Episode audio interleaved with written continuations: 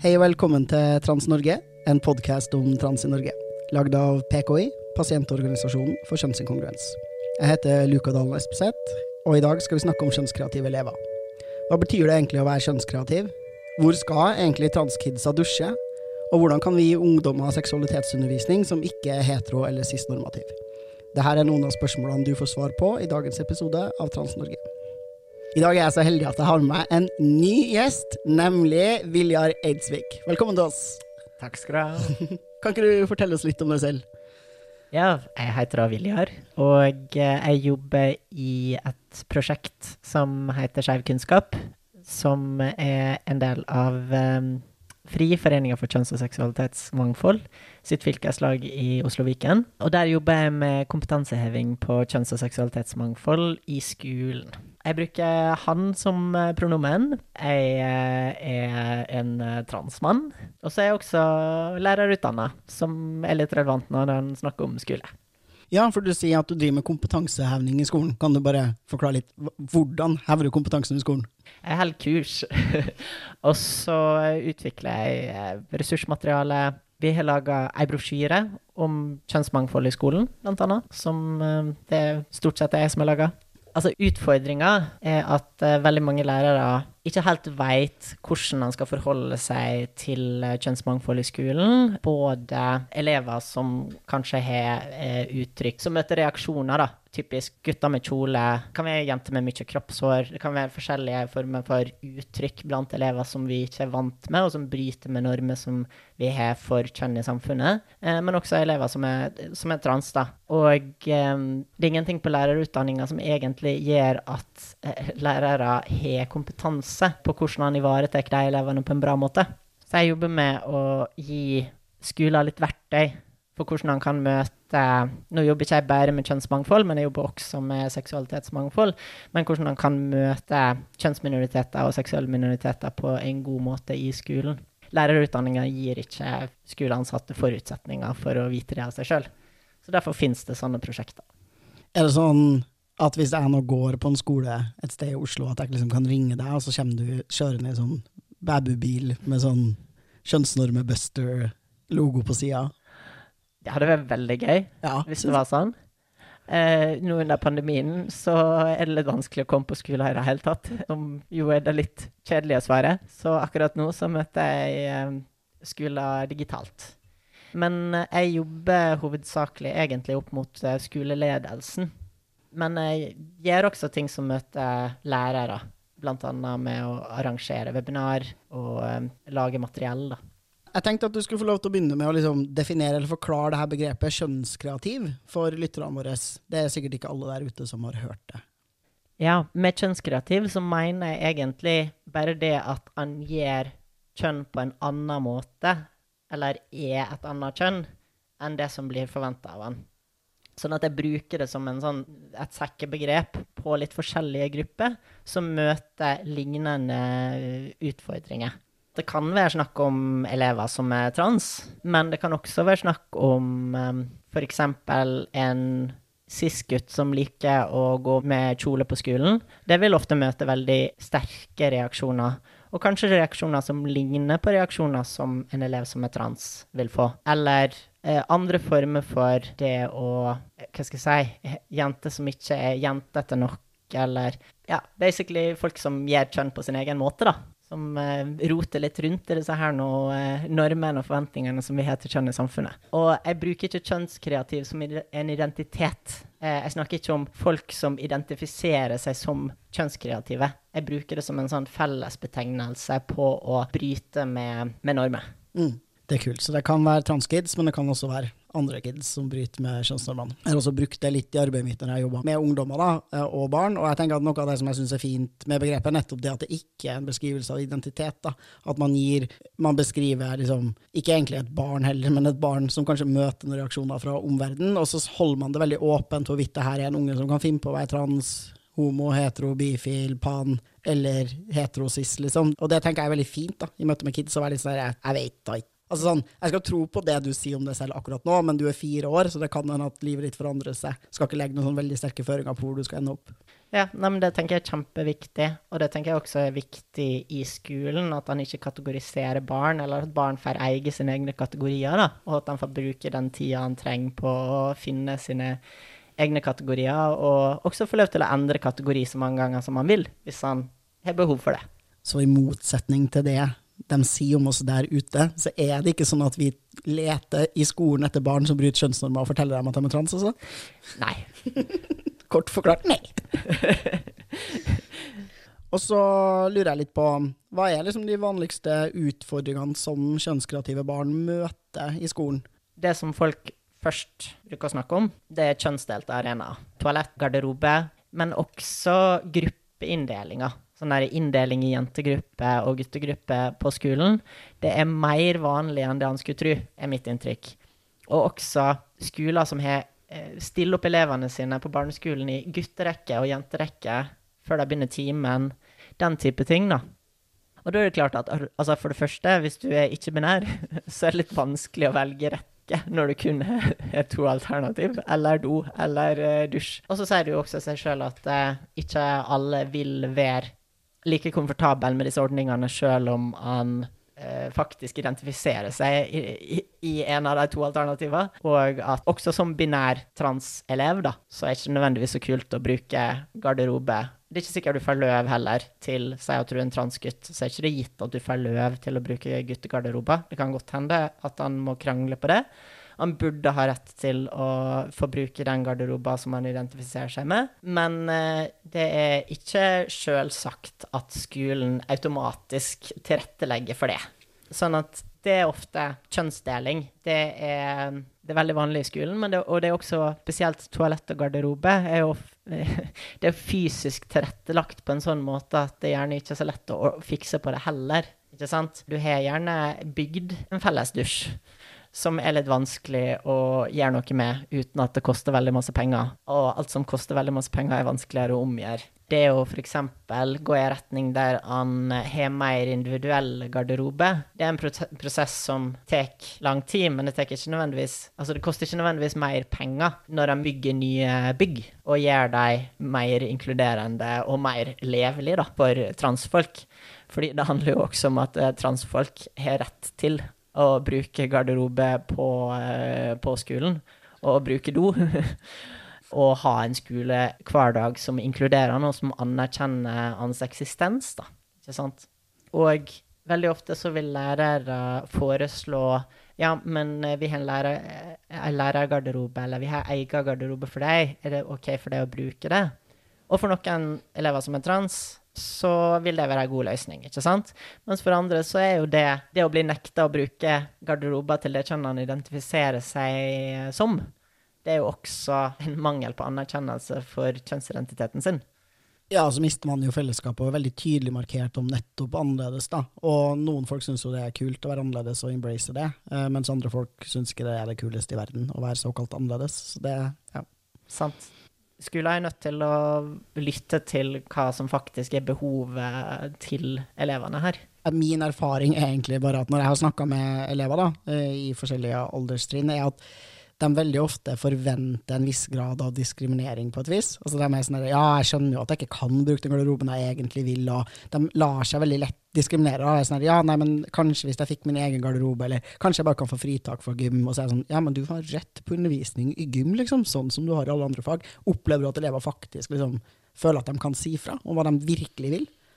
Det tror jeg jo vil være veldig varierende, men jeg tror du har rett i at eh, vi som transfolk, da, eh, ofte går med på de premissene som blir lagt for oss. ikke sant? Vi går med på at nei, vi har ikke, vi har ikke løv til, eller vi burde ikke bruke den garderoben til det kjønnet vi, eh, vi er. Det blir en sånn form for eh, internalisert diskriminering og sjølbegrensning som jeg tror er veldig usunn, men som eh, ikke er så rart når vi lever i det samfunnet vi lever i, som på ingen måte er særlig tilrettelagt for eh, transfolk men veldig tilrettelagt for cis-folk. Ekstremt tilrettelagt. Man skulle nesten tro de har bygd verden ja. for å passe til seg selv.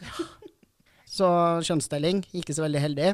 Fins det situasjoner på skolen hvor det er liksom legitimt å faktisk dele inn i gutte- og jentegruppa? Jeg vet ikke om jeg har et ja eller nei-svar på det spørsmålet, men jeg tenker at dersom noen velger å dele inn i grupper, så må han for det første så må han sørge for at alle i den gruppa, altså i elevmassa, har et alternativ. Du kan ikke eh, dele en jente- og guttegruppe hvis du har ikke-binære elever. Det, det sier seg sjøl. Og du bør også ha antenner ute på at eh, det kan hende folk identifiserer seg som ikke-binær uten at de nødvendigvis er kommunisert veldig tydelig. ikke sant? Og så er det helt essensielt at folk får velge sin egen gruppe. Men om det kan være legitimt? Ja, kanskje. Hvis du f.eks.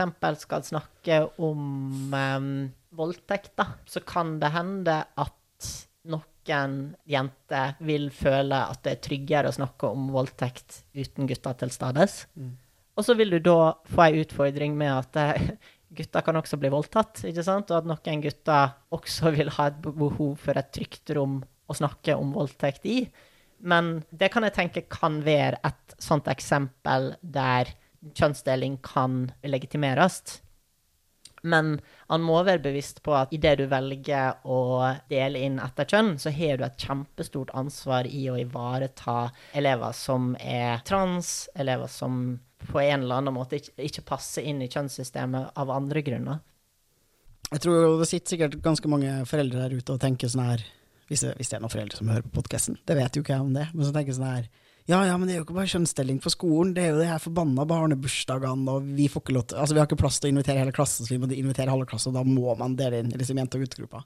Hva gjør man med alle de her arenaene utafor skolen, altså trening som er kjønnsdelt, andre typer ting? Hva Har skolen noe de skal ha sagt, og hvordan løser man det? Altså, da tenker jeg det på sin plass å ansvarliggjøre foreldre også, og at foreldre som Altså, en kan i klasser bli enige om et system som ikke er basert på kjønn, der en f.eks. Altså, deler klasser inn i to grupper, da, hvis det er et plassspørsmål, eller lager en annen form for system. Men jeg tror ikke det er en sunn kultur. Eller jeg føler meg ganske sikker på at det ikke er en så veldig sunn kultur å kunne invitere jentene eller guttene i, i, i eh, klasser. Jeg tror det ofte forsterker kjønnsstereotypier, og at uh, det er heller ikke så veldig bra for det sosiale miljøet når han kommer tilbake igjen i klassen. Det at du sosialt segregerer de forskjellige gruppene som er en del av det samme klassemiljøet. Og jeg tenker jo også at lærere kan initiere eller på en måte oppfordre elever, da, eller foreldre av elever i klassen si, til at eh, det er ønskelig at han deler inn på en annen måte enn etter kjønn. Ja, altså skolen kan jo ikke bestemme hvordan foreldre skal oppdra ungene sine, eller hvordan de skal snakke hjemme, liksom. men jeg tenker også at det er jo fint å ta på foreldremøtet at her i klassen har vi litt fokus på liksom motvirke stereotype ideer om kjønn. sånn at det er fint hvis dere ikke snakker om jente- og guttfarger og ting jenter og gutter ikke kan gjøre hjemme, og kanskje dere kunne funnet en annen løsning på den her bursdagsbonanzaen. Sant. Og det påvirker jo definitivt eh, klassemiljøet. Hvordan en velger å organisere klasser utenfor skolen for å gå tilbake igjen til det spørsmålet som opprinnelig var, eh, hva er de største utfordringene eh, kjønnskreative kids og transkids møter i skolen? Kjønnsdeling, det første. Flere? En annen utfordring er jo hvordan vi snakker om kropper. Og at vi veldig ofte snakker om kropper på en måte som eh, kan trigge dysfori, tenker jeg, for elever som er trans. Og det gjør vi jo generelt i samfunnet. Det er ikke bare et problem i skolen, det er et generelt samfunnsproblem at vi driver og putter kjønn på kropper, som i utgangspunktet bare er kropper. Men det er veldig vanskelig for transungdom å f.eks. få relevant informasjon om seksualitet, da. Hvis kroppen deres blir kjønna på en måte som man sjøl ikke kjenner seg igjen i eller er komfortabel med. Og jeg tror at det også fører til at veldig mange transungdom bare lukker seg for relevant informasjon om seksualitet. For eksempel ders, altså dersom kjønnsorganene dine blir omtalt som eh, en eh, guttetiss, f.eks., eller at eh, jentekropper ser sånn ut, og guttekropper ser sånn ut, eller den type språk, så tror jeg han vil miste mye informasjon om, om seksualitet. Jeg tror han vil miste også mye informasjon om helse for å kunne ivareta sin egen helse i et større perspektiv. Eh, og det går på fag som naturfag, også kroppsøving, seksualitetsundervisning. At en rett og slett på grunn av måten vi pakker inn informasjonen i et kjønna språk, så gjør vi, vi informasjon utilgjengelig for elever som er trans. Jeg kan komme med et eksempel. Hvis han snakker om eh, graviditet, så tenker jeg at det er mange transungdom, og spesielt transungdom, som går på enten hormonblokkere eller på, eh, på testosteron, vil tenke at å ja, ja, men jeg, jeg er en gutt, og jeg kan ikke bli gravid. Så denne informasjonen er ikke relevant for meg. Her snakker han bare om jenter. Ikke sant? Og så kan det godt hende at en del av den informasjonen som kommer fram, er ganske relevant. Og det kan også godt hende at han kan bli gravid. Men informasjonen er ikke tilgjengeliggjort for transgutter på samme måte som den er tilgjengeliggjort for cis-jenter. Og derfor så får ikke da, i dette tilfellet, transgutter den samme tilgangen på informasjon som cis-folk får om seksualitet og reproduksjon. Ja, og så kan det at hvis man hørte etter, da, så fikk man informasjon om at man burde liksom ta p-piller, og så tenker de at den er i hvert fall helt uaktuelt. Jeg skal ikke putte østrogen inn i kroppen min. Og så kunne man jo kanskje tenkt at ja, ja, men hvis det her er en person som får kjønnsbekreftende behandling, så tar jo sikkert de behandlerne og gir den her unge gutten relevant informasjon om hvordan kroppen hans funker. Men det kan vi jo avsløre at det gjør de jo ofte ikke. Fordi i helsevesenet så blir man gjerne møtt med forventning om at hvis du er en transgutt, så skal du ikke ha den typen sex som inkluderer sæd og en penis. For det passer ikke med deres idé om hva unge transgutter burde holdt med. Også, Det går ikke helt på språk, men eh, i forhold til det med fag, da, så tenker jeg at altså, skolen legger til grunn at elevene der er cis. ikke sant? Sånn at uh, idet du er trans og går på skolen, så vil du møte en del utfordringer som bare læreren din aldri har tenkt på. Ikke sant? Sånn som i gymnastikk, f.eks. At det å trene i M-binder det er ikke så veldig anbefalt. Ikke så lett å få inn uh, godt oksygeninntak. og det er ikke alle som er komfortable med å trene uten binder i, i kroppsøvingstimene. ikke sant? Og, og, da må skolen tilrettelegge. Og da tenker jeg at skolen må spørre hva er du komfortabel med. Kan du trene uten binder på et eget rom? Kan du Altså, hva kan, hva kan, du, hva kan vi gjøre, da, for at det skal være mulig for deg å ha kroppsøving. Ikke sant? Fordi hvis det ikke så vil Altså, hvis det ikke så blir det forferdelig vanskelig å ha eh, kroppsøving for en elev som er trans, når hele systemet er lagt opp til at du skal være sist når du har kroppsøving. Og det går jo, tenker jeg også, går på sånne ting som eh, ja, trening i kroppsnære klær, eller, eller, trening som Altså sånn svømming, da, for eksempel. Det er vanskelig for um, eh, for transungdom å være med på på en måte som man er komfortabel med. Ikke for alle, altså han skal ikke, skal ikke si at det gjelder for alle. Eh, noen eh, transungdom er veldig komfortable i kroppene sine og har ingen problem med verken å trene uten binder eller å ha svømming, ikke sant. Og det er kjempebra, og det er kjempesunt. Men det er jo på tross av skolen, og ikke på grunn av skolen. Kanskje vi må døpe om faget kroppsøving til SIS-kroppsøving? Kanskje det. Men så går det også Altså, det å ha en skolehverdag i en binder påvirker jo alle fag. Det påvirker jo ikke bare kroppsøvinga. Du blir jo sliten av å ikke kunne puste ordentlig i åtte timer. Ja, eller å prøve å holde deg fra å gå på do lengst mulig fordi det er stressende å skulle velge mellom gutt- og jentedoen, eller du er redd for å bli trakassert hvis du går på riktig do. Og Sant. Det er slitsomt å sitte der. Ja, ja, med binder eller å ha tøkka hele dagen, ikke gått på do hele dagen, sittet og stressa over kanskje noen er kjip med pga. kjønn. Så skal du sitte og følge med på den undervisninga, som i tillegg liksom bare en sånn lærer som står og snakker om sånn her, og så gjør kvinner sånn, og så gjør menn sånn. Det er jo Jeg hadde ikke orka, ass, hvis det var sånn på jobben min. Og så et annet eksempel kan jo være i musikk hvis du skal bruke mye stemme og, mye, og synge mye, så er det ikke sikkert at det er alle transfolk som er komfortable med det, fordi han har stemme som man ikke er komfortabel med. Og da eh, må jo også musikklærer være med på å tilrettelegge det, så lenge musikkfaget også er, vil være en del av en cis-normativ struktur. Alltid cis, cis Musis? Nei. Musis. Musisfaget. Musisfaget. Jeg skal døpe opp alle. Samsisfag. Musis. Cis-kroppsøving. Cool. Ja, la oss snakke om feilskjønning. Hva er feilskjønning, og hvordan tror du det er for kidsa i skolen? Jeg tror nok at mange elever har opplevd å blitt feilskjønna, hvis det er det du tenker på. Altså, som for alle andre, da, så lenge han lever i det her cis-normative samfunnet, så er det jo ei omstilling for lærere å skulle bytte pronomen eh, på en elev. Og det kan hende det er første gangen de har måttet forandre pronomenbruken på en person. Ikke sant? Og da, hvis han som lærer For det første, så altså, som elev, så um, må du tenke at altså, det er læreren sitt ansvar å kjønne er riktig, og du har rett til å si fra alt du vil om at du blir feilkjønna. Men hvis du syns det er slitsomt å si ifra, så er det fortsatt læreren sitt ansvar å kjønne det riktig, sjøl om du ikke orker å si ifra. Og til lærere som syns det er vanskelig da, å bruke riktig pronomen, enten fordi han bare glemmer seg, eller fordi, han, fordi det er et pronomen han aldri har brukt om noen før, så tenker jeg at da får han øve. Da kan du skrive en historie om den personen. Skriv en tekst om den personen der du bruker riktig pronomen. Da har du mye tid. Ingen ser feilene dine. Du kan viske ut alle gangene du feilkjønner denne personen på arket. Men da tvinger du hjernen din til å tenke om den personen med det pronomenet. Og så må du også bruke det pronomenet konsekvent. da. Det kan ikke være sånn at du da plutselig bytter pronomen på lærerrommet når ikke eleven hører på, for da kommer du til å glemme det før eller seinere, også når du snakker om eleven rundt andre. Sånn at det, det, å være konsekvent, og gjerne også rett på andre lærere dersom andre lærere sier feil. Alt dette er øving, ikke sant? Sånn at som lærer, ta litt ansvar.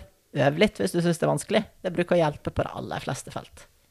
Det er sant. Er det, som, er det, noen som burde se verdien av øving, så er det lærere. Det er deres mantra i livet, tenker jeg. Det å ikke bytte pronomen, for det, tror jeg er ganske vanlig. At man liksom OK, jeg skal bruke det pronomenet for å respektere deg, men når jeg skal snakke til andre, så Enten så blir man usikker på om andre forstår hvilken elev det er du refererer til, eller så blir man redd for at andre folk skal synes at du er litt rar fordi du er så konsekvent flink på det pronomenet. Altså, du er redd for å bli utsatt for transfobi, på en måte. Altså sånn At du liksom implisitt skal bli det av andre elever. Sånn, ja, At lærerne på lærerrommet skal være sånn her Å jaså, ja, så du kaller den for han, eller du kaller for hun eller han Nei, herregud. Det, hvordan skal, jeg skal prøve å lage en serie. Du klarer ikke feil, nei. Nei, jeg klarer ikke det. Jaså, ja, så du kaller hun for han, ja.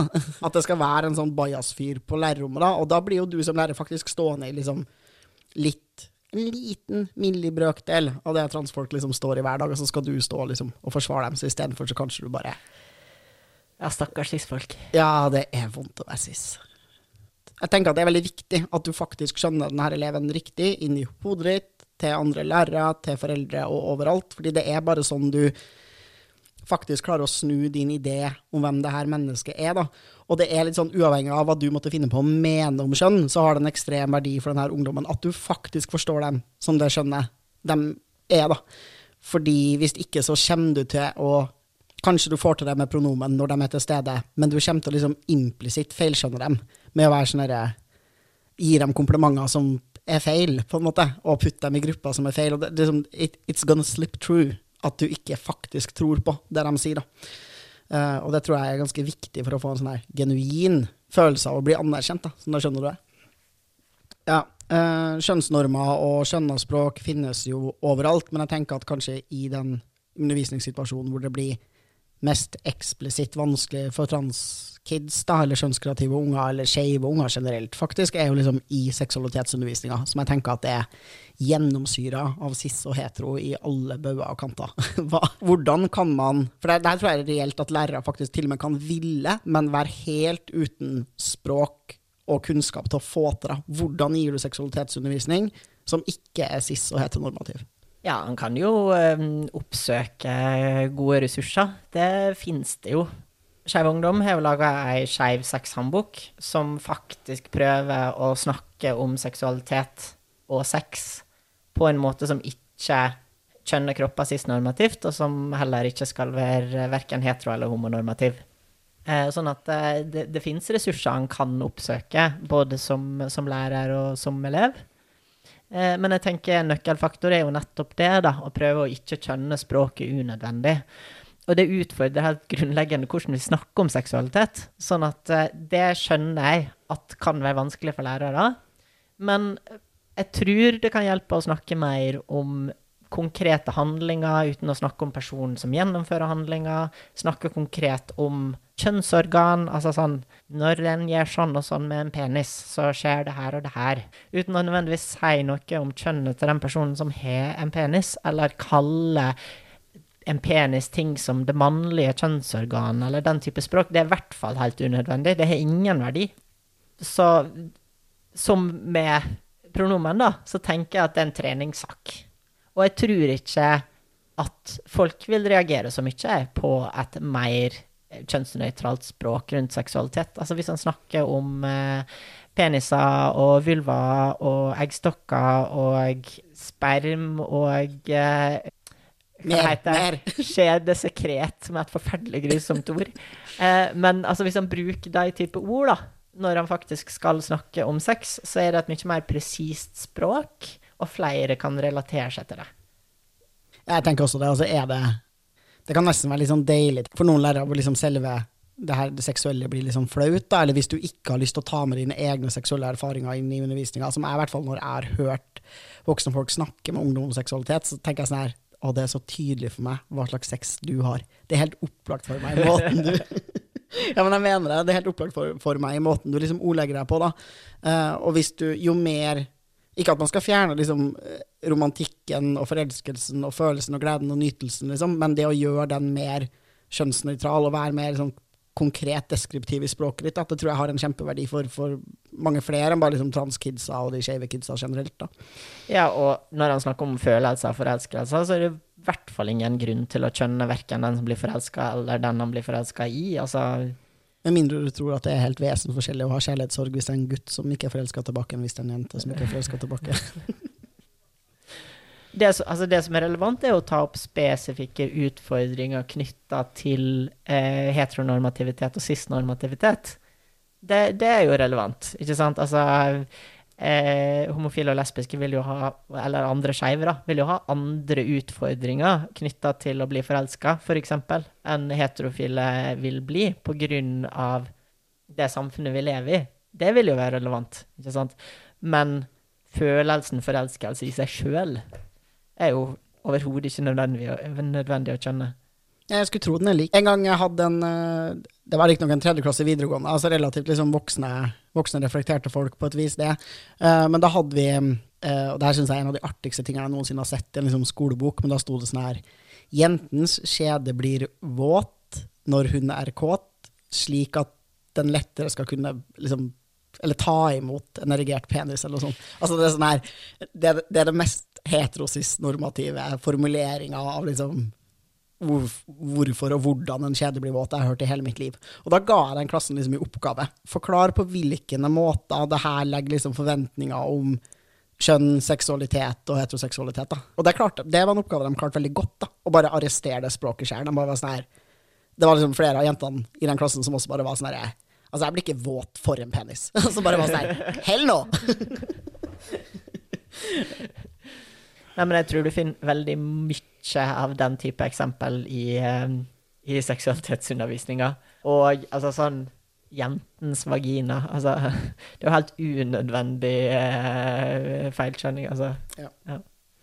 Som, som bi, eh, jeg er jo utdanna lektor i biologi. Jeg blir alltid sånn sur også når man, når man liksom tenker at evolusjon, da, eller kroppsfunksjoner, har en sånn derre mening, eller vilje, som faktisk ikke finnes der. da. Det er sånn at Selvfølgelig vil penetrering med en penis inn i vagina være lettere når liksom vaginaen er våt, men du kan heller ikke si at det liksom er derfor noen blir våt når de er kåt. Det er liksom det, Men da hadde jo veldig mye sex bare ikke eksistert. Altså hvis disse her nå eh, vaginaene kun ble våte av peniser, så hadde jo ikke sex mellom to personer med vagina eksistert.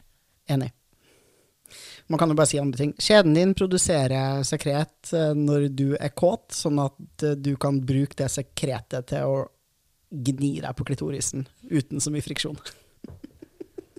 Nydelig.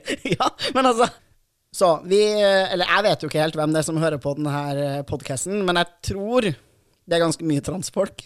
Jeg har en mistanke om det. Jeg håper det er noen cis-folk der ute som lytter og kanskje en annen lærer. Men jeg tenker til kids der ute som er trans, eller som bare er kjønnskreativ, bryter normene for kjønn, hva er liksom Hvilke rettigheter har du? Hva vil du si til de her ungdommene?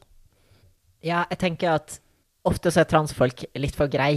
At vi har en tendens til å tenke at liksom, ja, men jeg skal ikke, være, jeg skal ikke gjøre det vanskelig, og jeg skal ikke være til bry, og jeg skal ikke kreve så mye, ikke sant? Og det tror jeg Eller det syns jeg er veldig forståelig, og jeg skjønner at det kan være veldig vanskelig.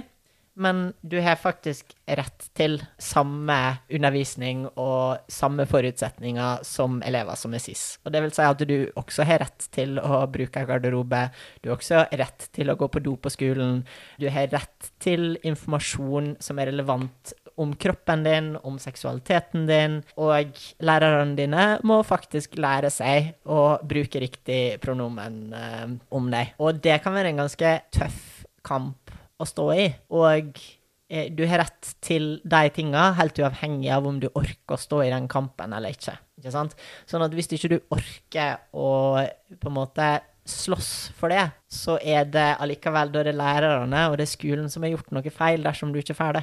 Men det kan også være nyttig å ta kontakt med andre transfolk bare for å få støtte, for å få vite hvordan andre har fått det, eller altså har fått til ting.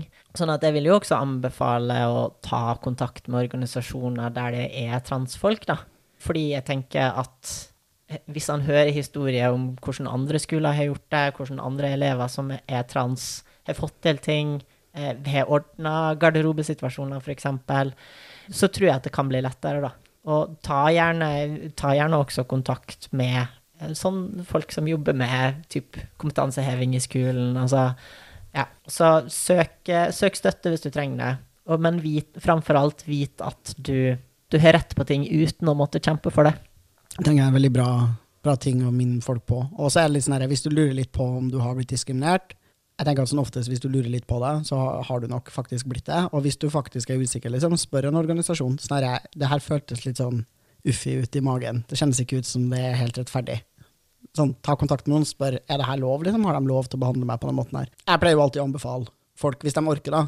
Det å f.eks. skrive en formell mail da, til læreren sin eller til skolen, da har du litt sånn Du sitter alene, du har tid til å tenke deg om du klarer kanskje å formulere deg uten, å, liksom, uten at følelsene dine tar helt overhånd, eller du kan ta litt sånn pause fra det og være helt sånn tydelig og konkret. sånn her, det her er det jeg ønsker meg, det her er det jeg syns dere skal gi. Kan være en bra måte å gjøre det på, og da får du også da har du skriftliggjort det på et vis som gjør det faktisk veldig mye vanskeligere for skolen din å overse det. Og si sånn ja, men vi fikk ikke med oss at hen hadde det her behovet, og nei, vi har vært veldig open-minded og imøtekommende. Og så er det sånn nei, jeg har faktisk liksom sendt det her brevet til dere uh, som jeg ikke har fått et tilstrekkelig svar på, og det jeg har adressert til det her, har ikke blitt fulgt opp, liksom.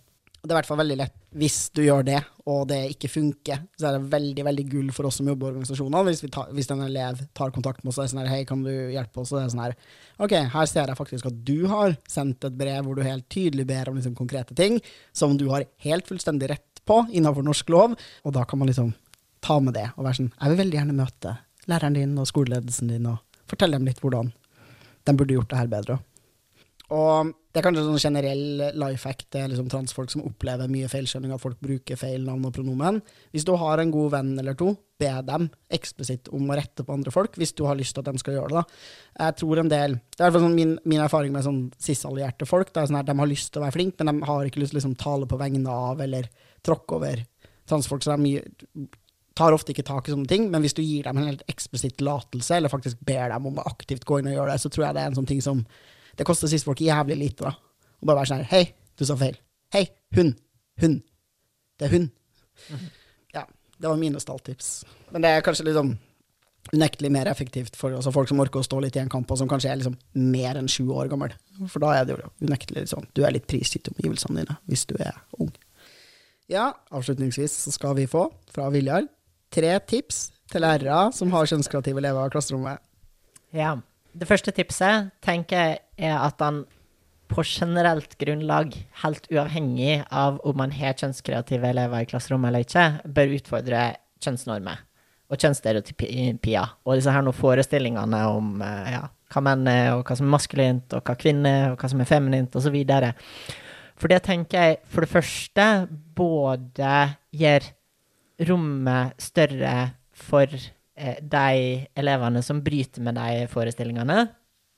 Eh, og for det andre så skaper det jo mer rom for alle til å kunne, ut, eh, kunne utforske hvem han er. da. Så selv om han er en litt sånn stereotypt maskulin cis-gutt, eh, så kan han kanskje finne ut av at oi, eh, jeg kan kanskje synes at det er spennende å ri på hest, eller danse ballett, eller noe som i utgangspunktet jeg ikke tenkte var for meg, fordi jeg var en typisk eh, litt maskulin uh, heterofil cis-gutt. ikke sant? At vi kan oppdage, alle kan oppdage sider av seg sjøl som de kanskje ikke visste om. da, ikke sant? Sånn at som lærer så gir du mer rom for alle dersom du utfordrer kjønnsstereotyper. Og så for det andre så tenker jeg at han må sette eleven eh, sine opplevelser og sine sjølidentifiseringer til grunn. Det handler om em, ja, pronomen. Det handler også om Altså, dersom eleven sier at hun er jente, så er hun jente, helt uavhengig av hvordan du forstår hva ei jente er, hvordan du forstår kjønn, hva pronomen du tenker at hun burde bruke, ikke sant? Fokuset her må være på hvordan eleven eh, kan eh, ha det bra på skolen, lære ting på skolen, at skolen skal være en trygg læringsarena for, for den jenta, da. Da må, da må det være hun som definerer hvem hun skal være i det rommet. Og det tredje rådet, det er å oppsøke ressurser på ting han er usikker på. Det er helt greit å ikke kunne alt om trans. Det er helt greit å ikke kunne alt om elever som utfordrer normer på kjønn. Men da må man også anerkjenne at her har kunnskapshøl. Eh, og det finnes masse gode ressurser. Det finnes ressurser som eh, forskjellige organisasjoner har laga. Eh, hvis du vil ha tips, kan, eller mer ressurser, så kan du kontakte organisasjoner som PKI, som lager denne podkasten, eller FRI. Skeiv Ungdom har en del ressurser som er laga spesifikt altså til elever som målgruppe, som kan være fint å bruke i undervisning. Skeiv Verden har ressurser. Salam har ressurser. Det kryr. Det kryr. Det er bare å finne deg. Lete deg opp. Bruk deg. Nå har jo vi Jeg tenker, vi har jo lagd denne podkasten nå, Willer. Så hvis du er en eh, transkid der ute, eller transungdom, eller en kjønnskreativ ungdom, så kanskje du faktisk også bare kan tipse læreren din, eller foreldrene dine, om at denne podden finnes. Jeg tenker både denne episoden her og de andre episodene kan være informativ for noen som ikke allerede kan så mye om trans og kjønn og sånt. Sant? Ja. Det er tenker, lurt. det tenker jeg er litt selvreklame for min egen podkast på min egen podkast, det må være lov. Ja.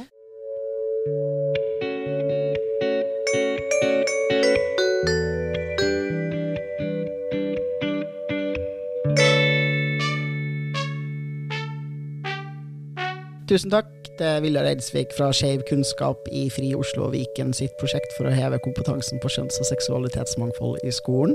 Jeg heter Luka Dalen Espeseth. Takk til Martin Skjold for den nydelige Trans-Norge-musikken. Takk til Salam for at vi får låne utstyr til å ta opp denne podkasten. Følg Trans Norway på Spotify for å få med deg alle episodene av Trans Norge. Spre ordet om podkasten hvis du liker den. Følg PKI på Facebook-sida vår Pasientorganisasjonen for kjønnsinkongruens. På Instagram heter vi pki.norge. Og meld deg veldig gjerne inn i PKI på nettsiden vår www.kjonsinkongruens.no.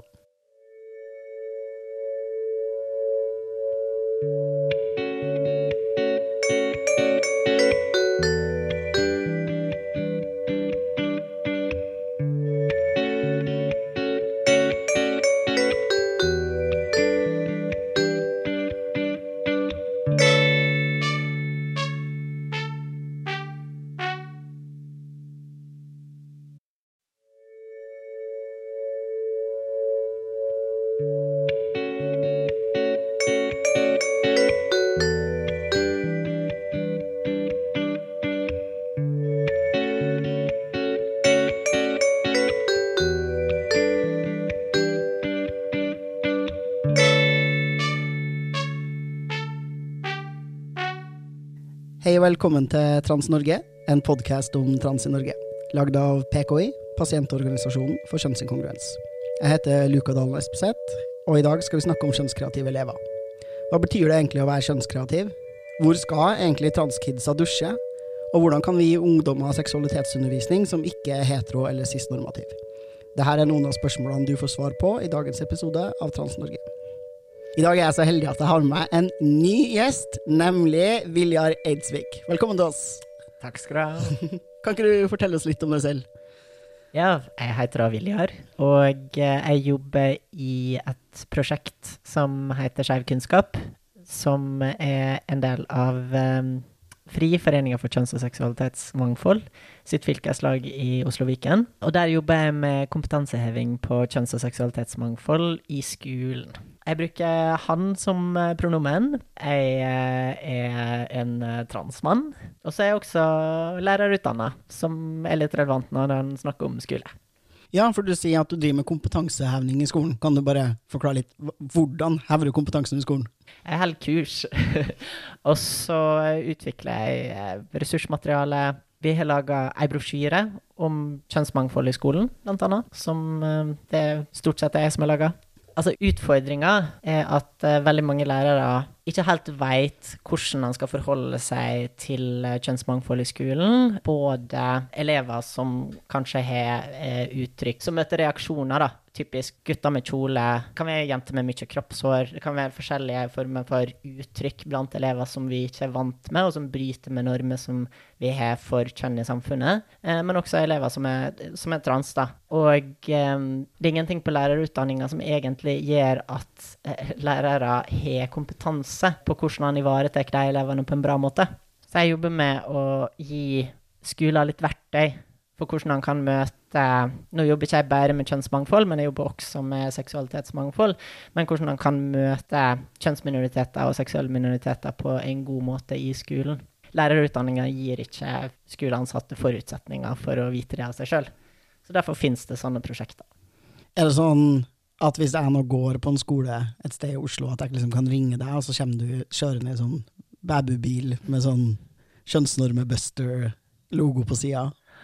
Det hadde vært veldig gøy ja. hvis det var sånn. Eh, nå under pandemien så er det litt vanskelig å komme på skolen i det hele tatt, som jo er det litt kjedelige svaret. Så akkurat nå så møter jeg eh, skoler digitalt. Men eh, jeg jobber hovedsakelig egentlig opp mot eh, skoleledelsen. Men jeg gjør også ting som møter lærere, bl.a. med å arrangere webinar og um, lage materiell. da. Jeg tenkte at du skulle få lov til å begynne med å liksom definere eller forklare det her begrepet kjønnskreativ for lytterne våre. Det er sikkert ikke alle der ute som har hørt det. Ja, med kjønnskreativ så mener jeg egentlig bare det at han gjør kjønn på en annen måte, eller er et annet kjønn, enn det som blir forventa av han. Sånn at jeg bruker det som sånn, et sekkebegrep på litt forskjellige grupper som møter lignende utfordringer. Det kan være snakk om elever som er trans, men det kan også være snakk om um, f.eks. en cis-gutt som liker å gå med kjole på skolen. Det vil ofte møte veldig sterke reaksjoner, og kanskje reaksjoner som ligner på reaksjoner som en elev som er trans, vil få. Eller eh, andre former for det å Hva skal jeg si Jenter som ikke er jentete nok, eller Ja, basically folk som gir kjønn på sin egen måte, da. Som eh, roter litt rundt i disse her nå, eh, normene og forventningene som vi har til kjønn i samfunnet. Og jeg bruker ikke kjønnskreativ som en identitet. Eh, jeg snakker ikke om folk som identifiserer seg som kjønnskreative. Jeg bruker det som en sånn fellesbetegnelse på å bryte med, med normer. Mm. Det er kult. Så det kan være transkids, men det kan også være andre kids som bryter med kjønnsnormene. Jeg har også brukt det litt i arbeidet mitt når jeg jobber med ungdommer da, eh, og barn. Og jeg tenker at noe av det som jeg syns er fint med begrepet, er nettopp det at det ikke er en beskrivelse av identitet. da. At man gir Man beskriver liksom ikke egentlig et barn heller, men et barn som kanskje møter noen reaksjoner fra omverdenen, og så holder man det veldig åpent hvorvidt det her er en unge som kan finne på å være trans, homo, hetero, bifil, pan eller heterosis, liksom. Og det tenker jeg er veldig fint da, i møte med kids. å være litt sånn jeg, jeg vet da ikke Altså sånn, Jeg skal tro på det du sier om deg selv akkurat nå, men du er fire år, så det kan hende at livet ditt forandrer seg. Skal ikke legge noen sånn veldig sterke føringer på hvor du skal ende opp. Ja, nei, men Det tenker jeg er kjempeviktig, og det tenker jeg også er viktig i skolen. At han ikke kategoriserer barn, eller at barn får eie sine egne kategorier. da, Og at han får bruke den tida han trenger på å finne sine egne kategorier, og også få lov til å endre kategori så mange ganger som han vil, hvis han har behov for det. Så i motsetning til det de sier om oss der ute, så er det ikke sånn at vi leter i skolen etter barn som bryter kjønnsnormer og forteller dem at de er trans, altså? Nei. Kort forklart nei. Og så lurer jeg litt på, hva er liksom de vanligste utfordringene som kjønnskreative barn møter i skolen? Det som folk først bruker å snakke om, det er kjønnsdelte arenaer. Toalett, garderobe, men også gruppeinndelinger. Sånn der inndeling i jentegruppe og guttegruppe på skolen. Det er mer vanlig enn det han skulle tro, er mitt inntrykk. Og også skoler som har eh, stiller opp elevene sine på barneskolen i gutterekke og jenterekke før de begynner timen. Den type ting, da.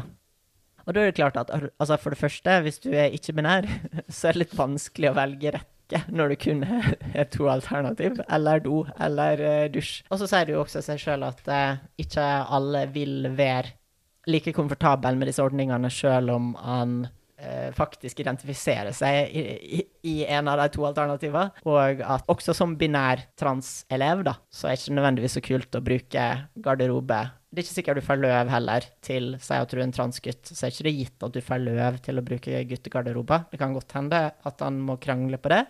Han burde ha rett til å få bruke den garderoba som han identifiserer seg med, men eh, det er ikke sjølsagt at skolen automatisk tilrettelegger for det.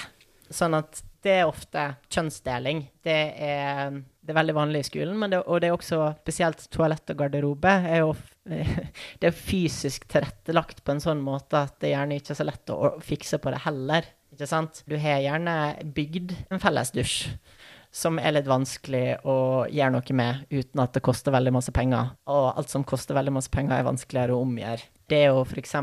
gå i retning der han har mer individuell garderobe, det er en prosess som tar lang tid, men det, ikke altså det koster ikke nødvendigvis mer penger når han bygger nye bygg, og gjør dem mer inkluderende og mer levelige for transfolk. Fordi det handler jo også om at eh, transfolk har rett til å bruke garderobe på, eh, på skolen, og bruke do. og ha en skolehverdag som inkluderer og som anerkjenner hans eksistens, da. Ikke sant? Og veldig ofte så vil lærere foreslå ja, men vi har en, lærer, lærergarderobe, eller vi har egen garderobe for deg. Er det OK for deg å bruke det? Og for noen elever som er trans, så vil det være en god løsning, ikke sant? Mens for andre så er jo det det å bli nekta å bruke garderober til det kjønnet han identifiserer seg som, det er jo også en mangel på anerkjennelse for kjønnsidentiteten sin. Ja, så mister man jo fellesskapet og er veldig tydelig markert om nettopp annerledes, da. Og noen folk syns jo det er kult å være annerledes og embrace det, eh, mens andre folk syns ikke det er det kuleste i verden å være såkalt annerledes. Så det, ja. Sant. Skolen er nødt til å lytte til hva som faktisk er behovet til elevene her. Min erfaring er egentlig bare at når jeg har snakka med elever da, eh, i forskjellige alderstrinn, er at de veldig ofte forventer en viss grad av diskriminering på et vis. Altså de er sånn Ja, jeg skjønner jo at jeg ikke kan bruke den garderoben jeg egentlig vil, og de lar seg veldig lett diskriminere. Og er sånn ja, nei, men kanskje hvis jeg fikk min egen garderobe, eller kanskje jeg bare kan få fritak fra gym, og så er jeg sånn Ja, men du har rett på undervisning i gym, liksom, sånn som du har i alle andre fag. Opplever du at elever faktisk liksom føler at de kan si fra om hva de virkelig vil? Det tror jeg jo vil være veldig varierende, men jeg tror du har rett i at eh, vi som transfolk, da, eh, ofte går med på de premisser som blir lagt for oss. ikke sant? Vi går med på at nei, vi har ikke, vi har ikke løv til, eller vi burde ikke bruke den garderoben til det kjønnet vi, eh, vi er. Det blir en sånn form for eh, internalisert diskriminering og selvbegrensning som jeg tror er veldig usunn, men som eh, ikke er så rart når vi lever i det samfunnet vi lever i, som på ingen måte er særlig tilrettelagt for eh, transfolk men veldig tilrettelagt for cis-folk. Ekstremt tilrettelagt. Man skulle nesten tro de har bygd verden ja. for å passe til seg selv. så kjønnsdeling, ikke så veldig heldig. Fins det situasjoner på skolen hvor det er liksom legitimt å faktisk dele inn i gutte- og jentegruppa? Jeg vet ikke om jeg har et ja eller nei-svar på det spørsmålet, men jeg tenker at dersom noen velger å dele inn i gruppe, så må han for det første så må han sørge for at alle i den gruppa altså i elevmassa har et alternativ. Du kan ikke eh, dele en jente- og guttegruppe hvis du har ikke-binære elever. Det, det, sier seg sjøl. Og du bør også ha antenne ute på at eh, det kan hende folk identifiserer seg som ikke-binær uten at de nødvendigvis er kommunisert det veldig tydelig. ikke sant? Og så er det helt essensielt at folk får velge sin egen gruppe. Men om det kan være legitimt? Ja, kanskje. Hvis du f.eks. skal snakke om um, voldtekt, da, så kan det hende at noen jenter vil føle at det er tryggere å snakke om voldtekt uten gutter til stades. Mm. Og så vil du da få ei utfordring med at eh, gutter kan også bli voldtatt, ikke sant? og at noen gutter også vil ha et behov for et trygt rom å snakke om voldtekt i. Men det kan jeg tenke kan være et sånt eksempel der kjønnsdeling kan legitimeres. Men han må være bevisst på at idet du velger å dele inn etter kjønn, så har du et kjempestort ansvar i å ivareta elever som er trans, elever som på en eller annen måte ikke, passer inn i kjønnssystemet av andre grunner. Jeg tror det sitter sikkert ganske mange foreldre der ute og tenker sånn her hvis det, hvis det, er noen foreldre som hører på podkasten. Det vet jo ikke jeg om det. Men så tenker jeg sånn her Ja, ja, men det er jo ikke bare kjønnsdeling på skolen. Det er jo de her forbanna barnebursdagene, og vi får ikke lov til Altså, vi har ikke plass til å invitere hele klassen, så vi må invitere halve klassen, og da må man dele inn liksom jente- og guttegruppa. Hva gjør man med alle de her arenaene utafor skolen? Altså trening som er kjønnsdelt, andre typer ting. Hva Har skolen noe de skal ha sagt, og hvordan løser man det? Altså, da tenker jeg det på sin plass å ansvarliggjøre foreldre også, og at foreldre som Altså, en kan i klasser bli enige om et system som ikke er basert på kjønn, der en f.eks. Altså, deler klasser inn i to grupper, da, hvis det er et plassspørsmål, eller lager en annen form for system. Men jeg tror ikke det er en sunn kultur. Eller jeg føler meg ganske sikker på at det ikke er en så veldig sunn kultur å kunne invitere jentene eller guttene i, i, i eh, klasser. Jeg tror det ofte forsterker kjønnsstereotypier, og at det, er heller ikke så veldig bra for det sosiale miljøet når han kommer tilbake igjen i klassen. Det at du sosialt segregerer de forskjellige gruppene som er en del av det samme klassemiljøet. Og jeg tenker jo også at lærere kan initiere eller på en måte oppfordre elever, da, eller foreldre av elever i klassen si, til at eh, det er ønskelig at han deler inn på en annen måte enn etter kjønn. Ja, altså skolen kan jo ikke bestemme hvordan foreldre skal oppdra ungene sine, eller hvordan de skal snakke hjemme, liksom. men jeg tenker også at det er jo fint å ta på foreldremøtet at her i klassen har vi litt fokus på liksom, motvirke stereotype ideer om kjønn. sånn at det er fint hvis dere ikke snakker om jente- og guttfarger og ting jenter og gutter ikke kan gjøre hjemme, og kanskje dere kunne funnet en annen løsning på den her bursdagsbonanzaen. Sant. Og det påvirker jo definitivt eh, klassemiljøet.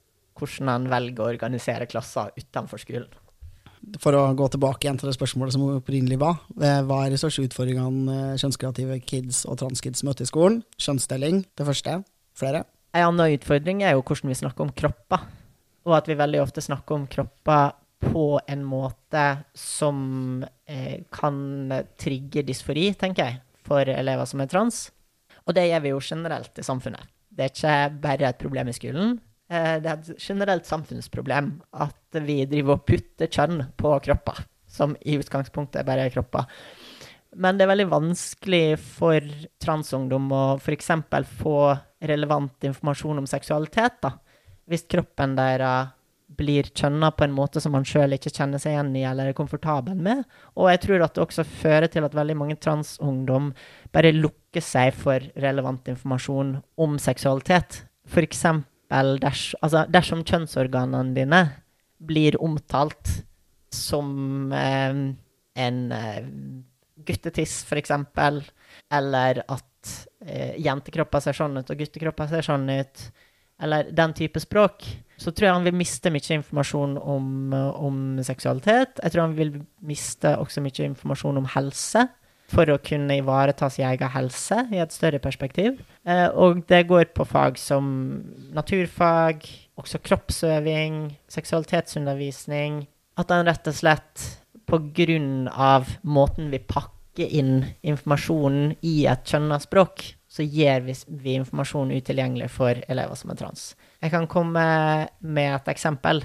Hvis han snakker om eh, graviditet, så tenker jeg at det er mange transungdom, og spesielt transungdom, som går på enten hormonblokkere eller på, eh, på, testosteron, vil tenke at å ja, ja, men jeg, er en gutt, og jeg kan ikke bli gravid. Så denne informasjonen er ikke relevant for meg. Her snakker han bare om jenter. Ikke sant? Og så kan det godt hende at en del av den informasjonen som kommer fram, er ganske relevant. Og det kan også godt hende at han kan bli gravid.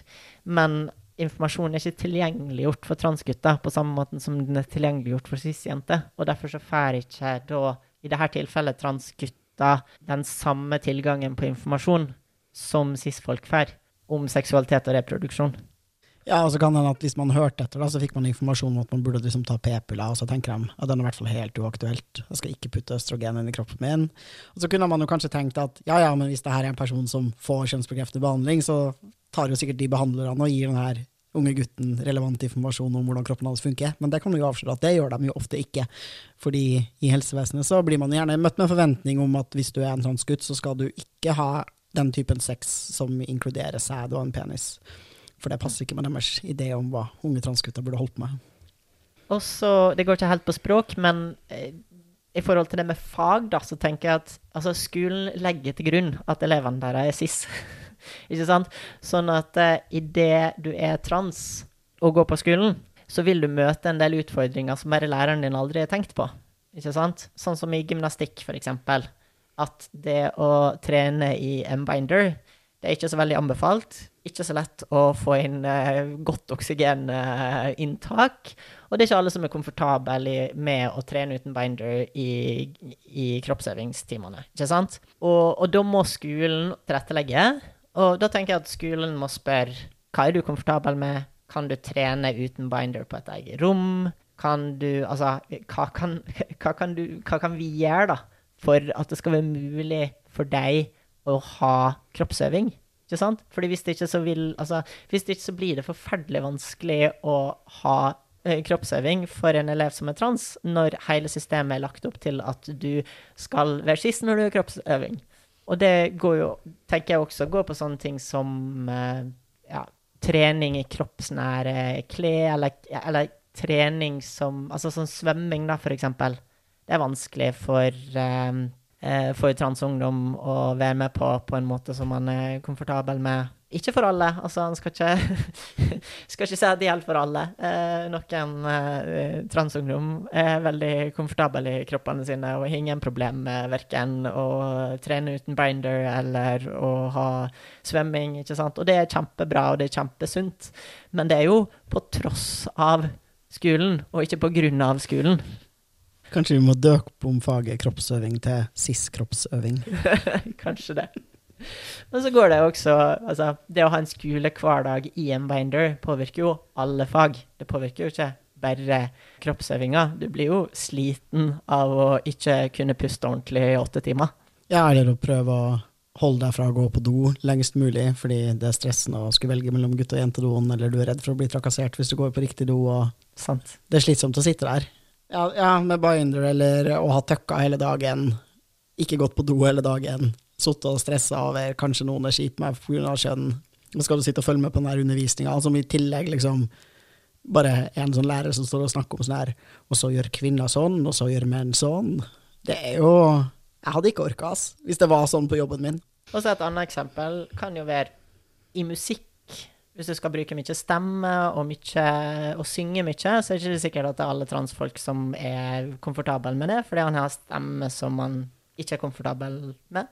Og da eh, må jo også musikklærer være med på å tilrettelegge det, så lenge musikkfaget også er, vil være en del av en cis-normativ struktur. Alltid cis, cis Musis? Nei. Musis. Musisfaget. Musisfaget. Jeg skal døpe opp alle. Samsisfag. Musis. Sis-kroppsøving. Cool. Ja, la oss snakke om feilskjønning. Hva er feilskjønning, og hvordan tror du det er for kidsa i skolen? Jeg tror nok at mange elever har opplevd å blitt feilskjønna, hvis det er det du tenker på. Altså, som for alle andre, da, så lenge han lever i det her cis-normative samfunnet, så er det jo ei omstilling for lærere å skulle bytte pronomen eh, på en elev. Og det kan hende det er første gangen de har måttet forandre pronomenbruken på en person. Ikke sant? Og da, hvis han som lærer For det første, så altså, som elev, så um, må du tenke at altså, det er læreren sitt ansvar å kjønne er riktig, og du har rett til og sier fra alt du vil om at du blir feilkjønna. Men hvis du syns det er slitsomt å si ifra, så er det fortsatt læreren sitt ansvar å kjenne det riktig, sjøl om du ikke orker å si ifra. Og til lærere som syns det er vanskelig, da, å bruke riktig pronomen, enten fordi han bare glemmer seg, eller fordi, han, fordi det er et pronomen han aldri har brukt om noen før, så tenker jeg at da får han øve. Da kan du skrive en historie om den personen. Skriv en tekst om den personen der du bruker riktig pronomen. Da har du mye tid. Ingen ser feilene dine. Du kan viske ut alle gangene du feilkjønner denne personen på arket. Men da tvinger du hjernen din til å tenke om den personen med det pronomenet. Og så må du også bruke det pronomenet konsekvent. da. Det kan ikke være sånn at du da plutselig bytter pronomen på lærerrommet når ikke eleven hører på, for da kommer du til å glemme det før eller seinere også når du snakker om eleven rundt andre.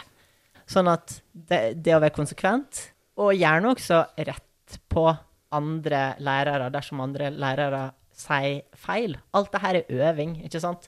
Sånn at som lærer, ta litt ansvar Øv litt hvis du syns det er vanskelig. Det bruker å hjelpe på de aller fleste felt.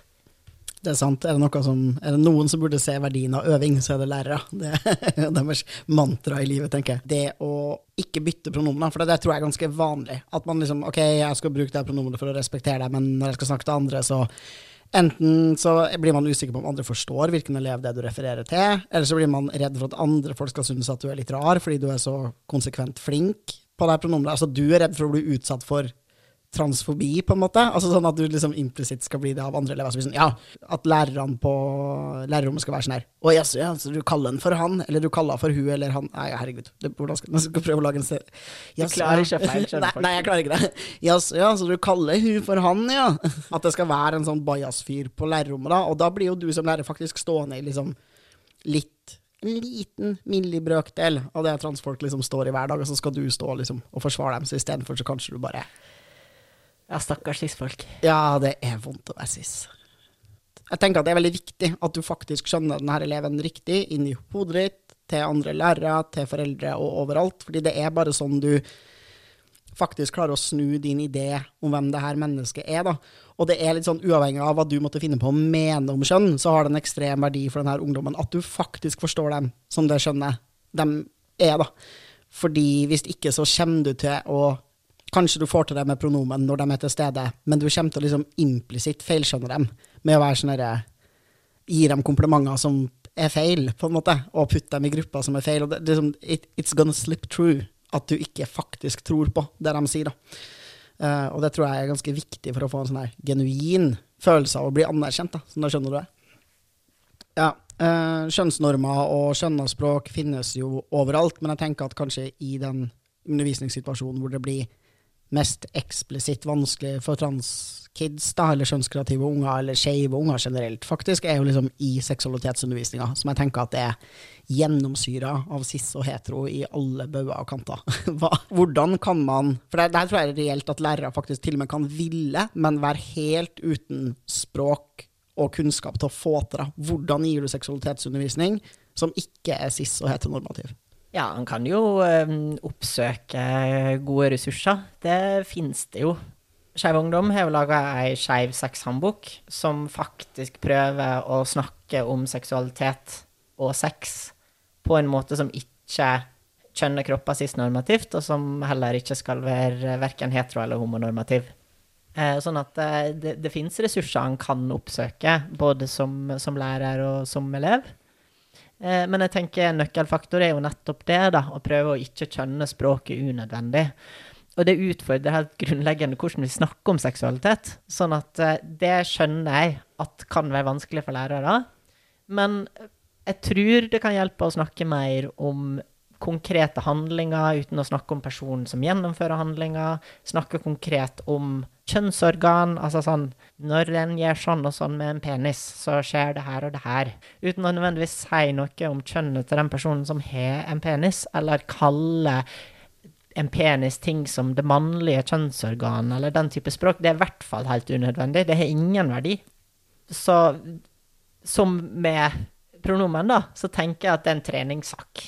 Og jeg tror ikke at folk vil reagere så mye på et mer kjønnsnøytralt språk rundt seksualitet. Altså hvis han snakker om eh, peniser og vulva og eggstokker og sperm og eh, hva heter det? Skjedesekret, som er et forferdelig grusomt ord.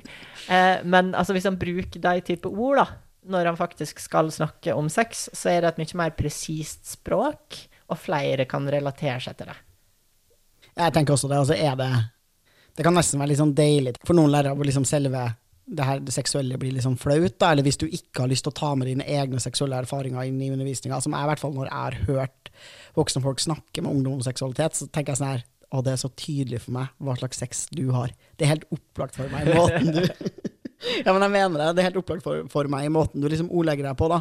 Uh, og hvis du Jo mer Ikke at man skal fjerne liksom eh, romantikken og forelskelsen og følelsen og gleden og nytelsen, liksom, men det å gjøre den mer kjønnsnøytral og være mer liksom, konkret deskriptiv i språket ditt, at det tror jeg har en kjempeverdi for, for mange flere enn bare liksom transkidsa og de skeive kidsa generelt. da.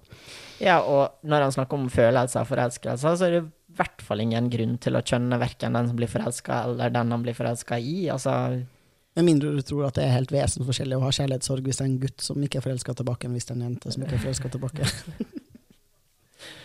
det, altså det som er relevant, er å ta opp spesifikke utfordringer knytta til eh, heteronormativitet og cisnormativitet. Det, det er jo relevant, ikke sant? Altså eh, Homofile og lesbiske vil jo ha, eller andre skeive, da, vil jo ha andre utfordringer knytta til å bli forelska, f.eks., for enn heterofile vil bli, på grunn av det samfunnet vi lever i. Det vil jo være relevant, ikke sant? Men følelsen forelskelse i seg sjøl er jo overhodet ikke nødvendig, nødvendig å kjenne. Jeg skulle tro den er lik. En gang jeg hadde en eh, Det var riktignok en tredjeklasse videregående, altså relativt liksom voksne, voksne reflekterte folk på et vis, det. Uh, men da hadde vi uh, Og det her syns jeg er en av de artigste tingene jeg noensinne har sett i en liksom skolebok, men da sto det sånn her Jentens skjede blir våt når hun er kåt, slik at den lettere skal kunne liksom eller ta imot en erigert penis, eller noe sånt. Altså det er sånn her Det, det er det mest heterosis-normative formuleringa av liksom hvorfor og hvordan en kjede blir våt jeg har hørt i hele mitt liv. Og da ga jeg den klassen liksom i oppgave. Forklar på hvilke måter det her legger liksom forventninger om kjønn, seksualitet og heteroseksualitet. da. Og det, klarte, det var en oppgave de klarte veldig godt, da. Å bare arrestere det språket sjøl. De sånn Det var liksom flere av jentene i den klassen som også bare var sånn her Altså, jeg blir ikke våt for en penis. Som bare var sånn her Hell no! Nei, men jeg tror du finner veldig mye av den type eksempel i, eh, i seksualitetsundervisninga. Og altså sånn Jentens vagina. Altså, det er jo helt unødvendig eh, feilskjønning, altså. Som, som bi, eh, jeg er jo utdanna lektor i biologi. Jeg blir alltid sånn sur også når man, når man liksom tenker at evolusjon, da, eller kroppsfunksjoner, har en sånn derre mening, eller vilje, som faktisk ikke finnes der. da. Det er sånn at Selvfølgelig vil penetrering med en penis inn i vagina være lettere når liksom vaginaen er våt, men du kan heller ikke si at det liksom er derfor noen blir våt når de er kåt. Det er liksom det, Men da hadde jo veldig mye sex bare ikke eksistert. Altså hvis disse her nå eh, vaginaene kun ble våte av peniser, så hadde jo ikke sex mellom to personer med vagina eksistert. Enig. Man kan jo bare si andre ting. Skjeden din produserer sekret eh, når du er kåt, sånn at eh, du kan bruke det sekretet til å gni deg på klitorisen uten så mye friksjon. Nydelig. ja, men altså Så vi eh, Eller jeg vet jo ikke helt hvem det er som hører på denne podkasten, men jeg tror det er ganske mye transfolk. Jeg har en mistanke om det. Jeg håper det er noen cis-folk der ute som lytter, og kanskje en annen lærer. Men jeg tenker til kids der ute som er trans, eller som bare er kjønnskreativ, bryter normene for kjønn, hva er liksom Hvilke rettigheter har du? Hva vil du si til de her ungdommene? Ja, jeg tenker at ofte så er transfolk litt for grei. At vi har en tendens til å tenke at liksom, ja, men eh, jeg skal ikke være Jeg skal ikke gjøre det vanskelig, og jeg skal ikke være til bry, og eh, jeg skal ikke kreve så mye, ikke sant? Og det tror jeg er- Eller det syns jeg er veldig forståelig, og jeg skjønner at det kan være veldig vanskelig. Men du har faktisk rett til samme undervisning og samme forutsetninger som elever som er cis. Og det vil si at du også har rett til å bruke garderobe. Du har også rett til å gå på do på skolen.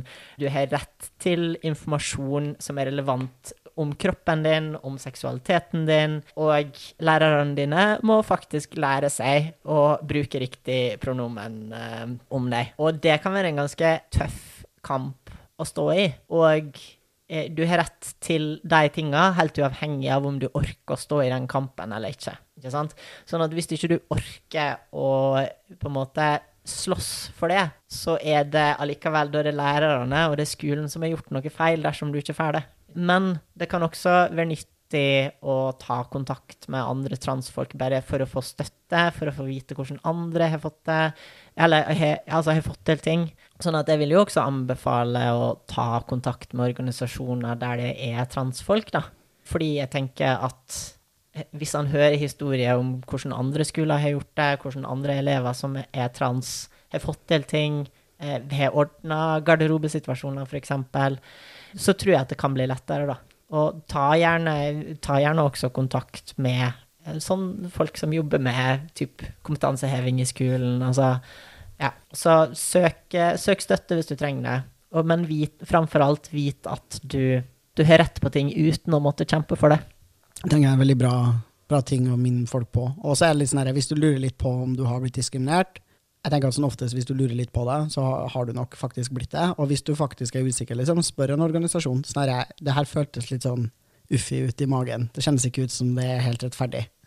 Sånn, Ta kontakt med noen, og spør er det her lov. Liksom? Har de lov til å behandle meg på den måten her? Jeg pleier jo alltid å anbefale folk, hvis de orker, da, det å f.eks. skrive en formell mail da, til læreren sin eller til skolen. Da har du litt sånn du sitter alene, du har tid til å tenke deg om, du klarer kanskje å formulere deg uten, å, liksom, uten at følelsene dine tar helt overhånd, eller du kan ta liksom, pause fra det og være helt sånn tydelig og konkret. sånn her, det her er det jeg ønsker meg, det her er det jeg syns dere skal gi. Kan være en bra måte å gjøre det på, og da får du også da har du skriftliggjort det på et vis som gjør det faktisk veldig mye vanskeligere for skolen din å overse det. Og si sånn ja, men vi fikk ikke med oss at hen hadde det her behovet, og nei, vi har vært veldig open-minded og imøtekommende. Og så er det sånn nei, jeg har faktisk liksom sendt det her brevet til dere uh, som jeg ikke har fått et tilstrekkelig svar på, og det jeg har adressert til det her, har ikke blitt fulgt opp, liksom.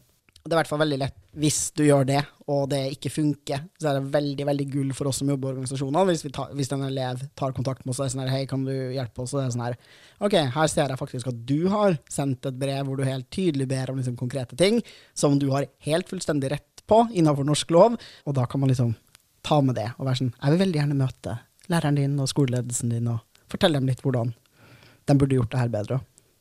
Og det er kanskje sånn generell life hack til liksom transfolk som opplever mye feilskjønning, at folk bruker feil navn og pronomen.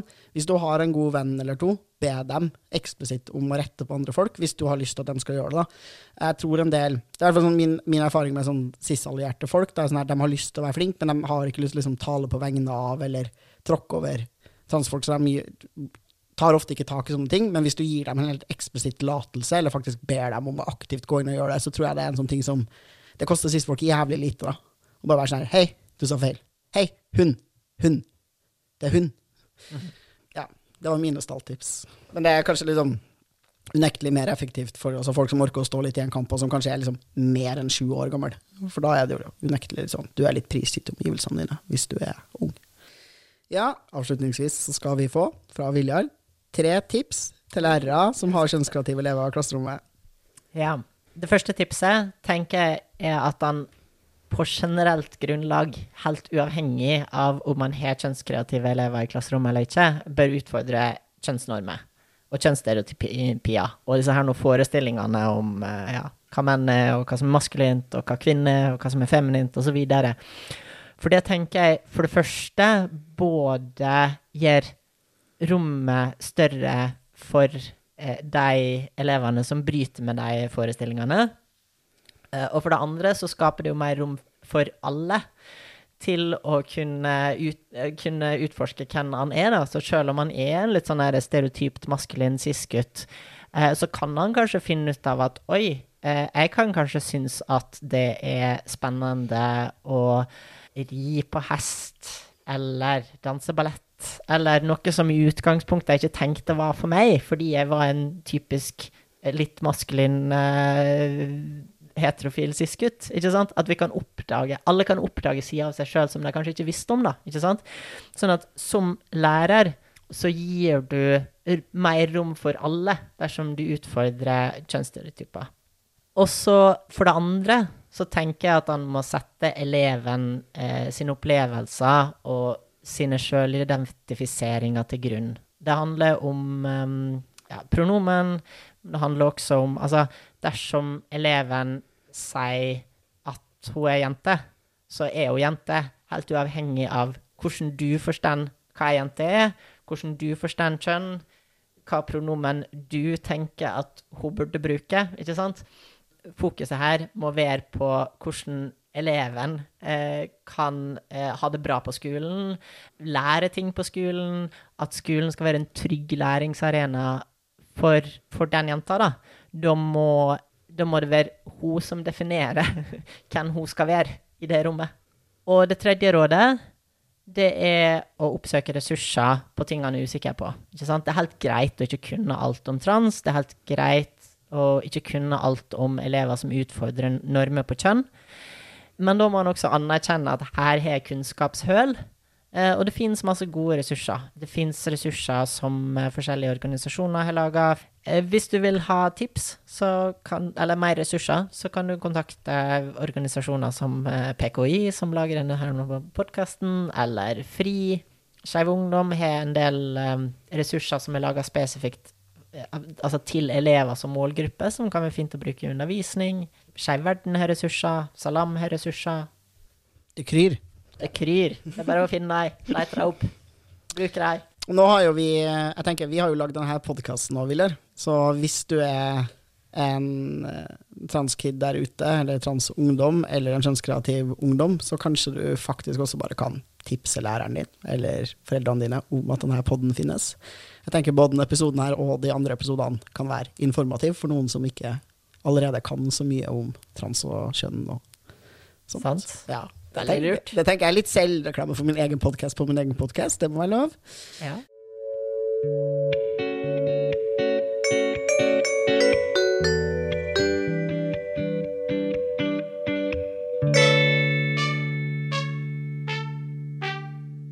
Tusen takk til Viljar Eidsvik fra Skeiv kunnskap i Fri Oslo og Viken sitt prosjekt for å heve kompetansen på kjønns- og seksualitetsmangfold i skolen.